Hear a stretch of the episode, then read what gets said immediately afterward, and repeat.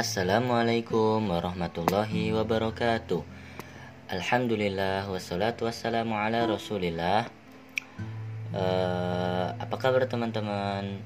Sudah di hari ke-6 bulan Ramadan ini Kita harusnya semakin semangat dong dalam menjalani ibadah Karena apa? Uh, seperti yang kita ketahui 10 hari pertama ini adalah 10 hari diturunkannya rahmat Allah kepada seluruh makhluknya di bulan Ramadan ini dan tahukah kalian teman-teman, uh, Ramadan ini menjadi spesial karena apa? Karena syahrul Ramadan alladzi unzila fihi quran yaitu di dalamnya diturunkannya Al-Qur'an. Jadi, dengan Al-Qur'an, Ramadan menjadi sayyidus suhur, menjadi penghulu para bulan. Maksudnya apa? Menjadi bulan yang paling istimewa dan juga Nabi Muhammad pun menjadi Sayyidul Anbiya wal Mursalin, menjadi penghulu para nabi dan rasul. Karena apa? Beliau yang membawa kitab suci Al-Qur'an. Beliau yang diperintahkan oleh Allah menyampaikan risalah dari Al-Qur'an itu tersebut. Dan juga malaikat Jibril menjadi mulia karena apa? Karena malaikat Jibril adalah yang menyampaikan wahyu Allah kepada Nabi Muhammad wahyu apa itu? Wahyu berupa Al-Quran itu disampaikan kepada Nabi Muhammad. Jadi sudah semestinya kita di bulan Ramadan ini memperbanyak tilawah Al-Quran, memperbanyak membaca Al-Quran, memperbanyak dan tadabur Al-Quran teman-teman.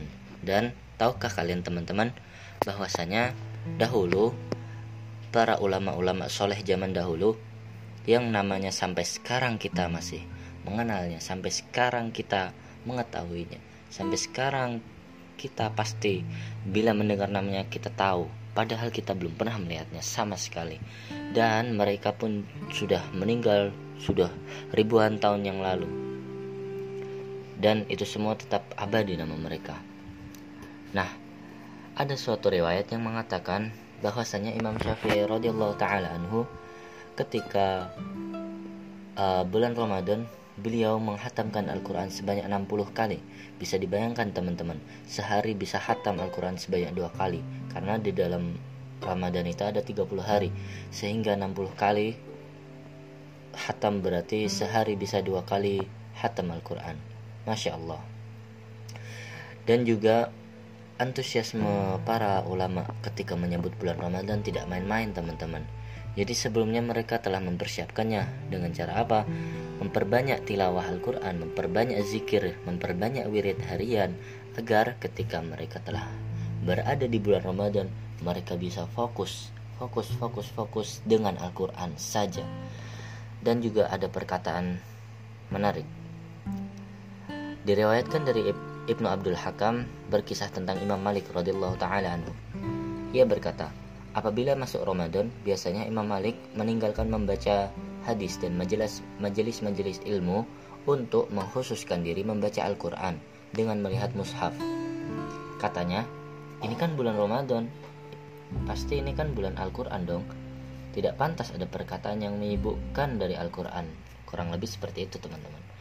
Jadi, ya segala kesibukan kita, segala aktivitas kita sebulan ataupun beberapa hari sebelum bulan Ramadan kita mulai kurangi, kita mulai kurangi dan kita mulai tambah intensitas kita dengan Al-Qur'an. Karena sebab Al-Qur'an itu kita menjadi mulia. Bagaimana teman-teman ingin menjadi mulia? Dekatilah Al-Qur'an, dekatilah pemilik wahyu itu yaitu Allah sehingga kita akan mulia bersamanya. Dan juga mengapa sampai-sampai ulama-ulama terdahulu begitu mengagungkannya Al-Quran itu? Karena bulan Ramadan ini sangat spesial sekali teman-teman. Segala amal ibadah kita dipermudah. Bukankah di bulan Ramadan kita lebih mudah membaca Al-Quran? Bukankah di bulan Ramadan kita lebih mudah untuk melakukan sholat malam untuk melakukan sholat taraweh Bukankah di bulan Ramadan kita lebih mudah melakukan amalan-amalan nawafil, bersedekah, dan lain sebagainya? Karena apa teman-teman? karena fasilitas kemudahan itu teman-teman kita harus memanfaatkannya dengan sebaik-baiknya dan juga dikisahkan bahwasanya Imam Ahmad bin Hambal apabila memasuki bulan Ramadan menutup majelis fatwanya dan duduk di masjid untuk berzikir dan membaca Al-Quran dan Az-Zuhri rahimahullah ta'ala anhu Apabila telah masuk bulan Ramadan, ia berkata, "Ini adalah bulan membaca Al-Quran dan bulan memberi makan." Orang-orang saleh itu tidak hanya menghatamkan Al-Quran melalui bacaan mushaf, sebagian mereka biasa menghatamkannya dalam setiap tiga malam, ada yang setiap sepekan, dan ada yang setiap sepuluh hari, tergantung kemampuan kita teman-teman. Dan di tengah kondisi kita yang sekarang ini, saya yakin kita bisa lebih banyak membaca Al-Quran dan lebih banyak mengisolasi diri kita untuk berinteraksi dengan Al-Quran. Karena apa? Pandemi Corona ini mengajarkan kita banyak hal teman-teman. Bila kita bisa mengambil sisi lain dari dampak buruknya. Karena tidak semua yang berdampak buruk itu buruk bagi kita. Karena boleh jadi sesuatu yang engkau benci itu adalah baik di sisi Allah. Maka dari itu, mungkin kita bisa melihat dari sisi bahwasanya dengan cara kita berada dalam kondisi social distancing seperti ini, berada dalam kondisi harus mengisolasi diri seperti ini, kita pasti lebih banyak lagi berinteraksi dengan Al-Quran. Kesempatan kita sudah terbuka lebar teman-teman. Tinggal kita mau memanfaatkannya atau tidak. Tinggal kita mau menjadi mulia atau tidak. Dan banyak sebenarnya teman-teman. Dan juga dikisahkan Ali bin Abi Thalib radhiyallahu taala pernah berkata ketahuilah bahwasanya tidak ada kebaikan dalam ibadah kecuali dengan ilmu jadi ibadah kalian tidak akan baik kalau kalian tidak punya ilmunya. Apakah itu bersumber dari Rasul atau tidak atau kalian hanya ikut-ikutan atau sebagainya.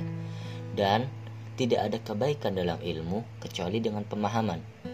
Boleh kalian tahu ilmu ini ini ini ini tetapi apabila kalian tidak paham sama saja kama salil himari ahmilu asfaro seperti keledai yang membawa mushaf-mushaf atau Al-Quran. Mereka tidak tahu isinya, mereka hanya membawanya saja seperti itu. Dan juga tidak ada kebaikan dalam membaca Al-Quran kecuali dengan tadabur. Jadi sebisa kita, kita boleh membaca Al-Quran, tapi alangkah lebih baiknya bila kita disertai dengan tadabur Al-Quran. Karena dengan kita tadabur, kita akan mudah merenungi, mudah memikirkan, mengapa ini bisa terjadi, mengapa dan mengapa alam ini seperti ini, mengapa dan mengapa, sehingga kita akan semakin yakin dan mantap akan keimanan kita kepada Allah Subhanahu wa Ta'ala. Dan juga bulan Ramadan ini sebenarnya banyak teman-teman ulama-ulama yang uh, sangat sangat uh, mengambil peluang dari bulan Ramadan ini. Dan juga ini ada lagi uh, contohnya yaitu Al Aswad biasa menghatamkan Al-Quran di bulan Ramadan setiap dua malam. Subhanallah. Yang ada kita hanya jadi orang yang lalai dari Al-Quran di bulan Ramadan. Bukankah begitu? Uh, dan juga ada seorang ulama di kalangan tabi'in yang bernama Qatadah bin Da'amah yang menurut Imam Ahmad bin Hambal Qatadah bin Da'amah radhiyallahu anhu rahimahullah taala anhu ini uh, sebagai ulama pakar tafsir dan paham akan perselisihan ulama dalam masalah tafsir. Uh, riwayatnya mengatakan Qatadah biasanya menghatamkan Al-Quran dalam tujuh hari. Namun jika datang bulan Ramadan, ia menghatamkannya setiap tiga hari. Ketika datang sepuluh hari terakhir dari bulan Ramadan, ia menghatamkannya setiap malam. Uh, selanjutnya Ibnu Asyakir seorang ulama hadis dari negeri Syam beliau biasa merutinkan sholat jamaah dan tilawah Al-Quran. Beliau biasa, biasa menghatamkan Al-Quran setiap pekan. Lebih luar biasanya di bulan Ramadan. Beliau, beliau hatamkan Al-Quran setiap hari. Beliau biasa beritikaf di Al-Manarah As-Sakiyah. Beliau adalah orang yang sangat gemar melakukan amalan sunnah dan rajin berzikir. Itulah teman-teman, gambaran ulama-ulama terdahulu yang sampai saat ini namanya tetap kita tak namanya tetap terkenal, namanya tetap ada sampai sekarang.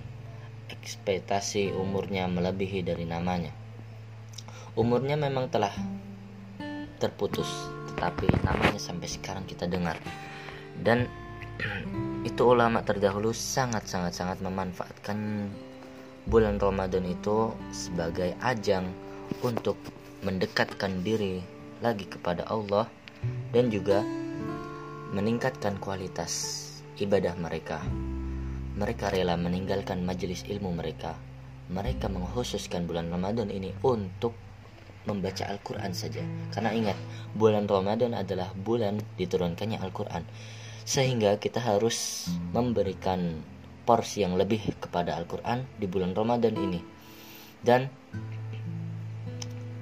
kita bisa introspeksi diri kita mungkin di antara kita masih sering uh, masih sering bermain handphone, masih sering bersosial media, masih sering lihat Instagram dan lain sebagainya dan lain sebagainya, masih sering lihat YouTube ataupun yang lainnya.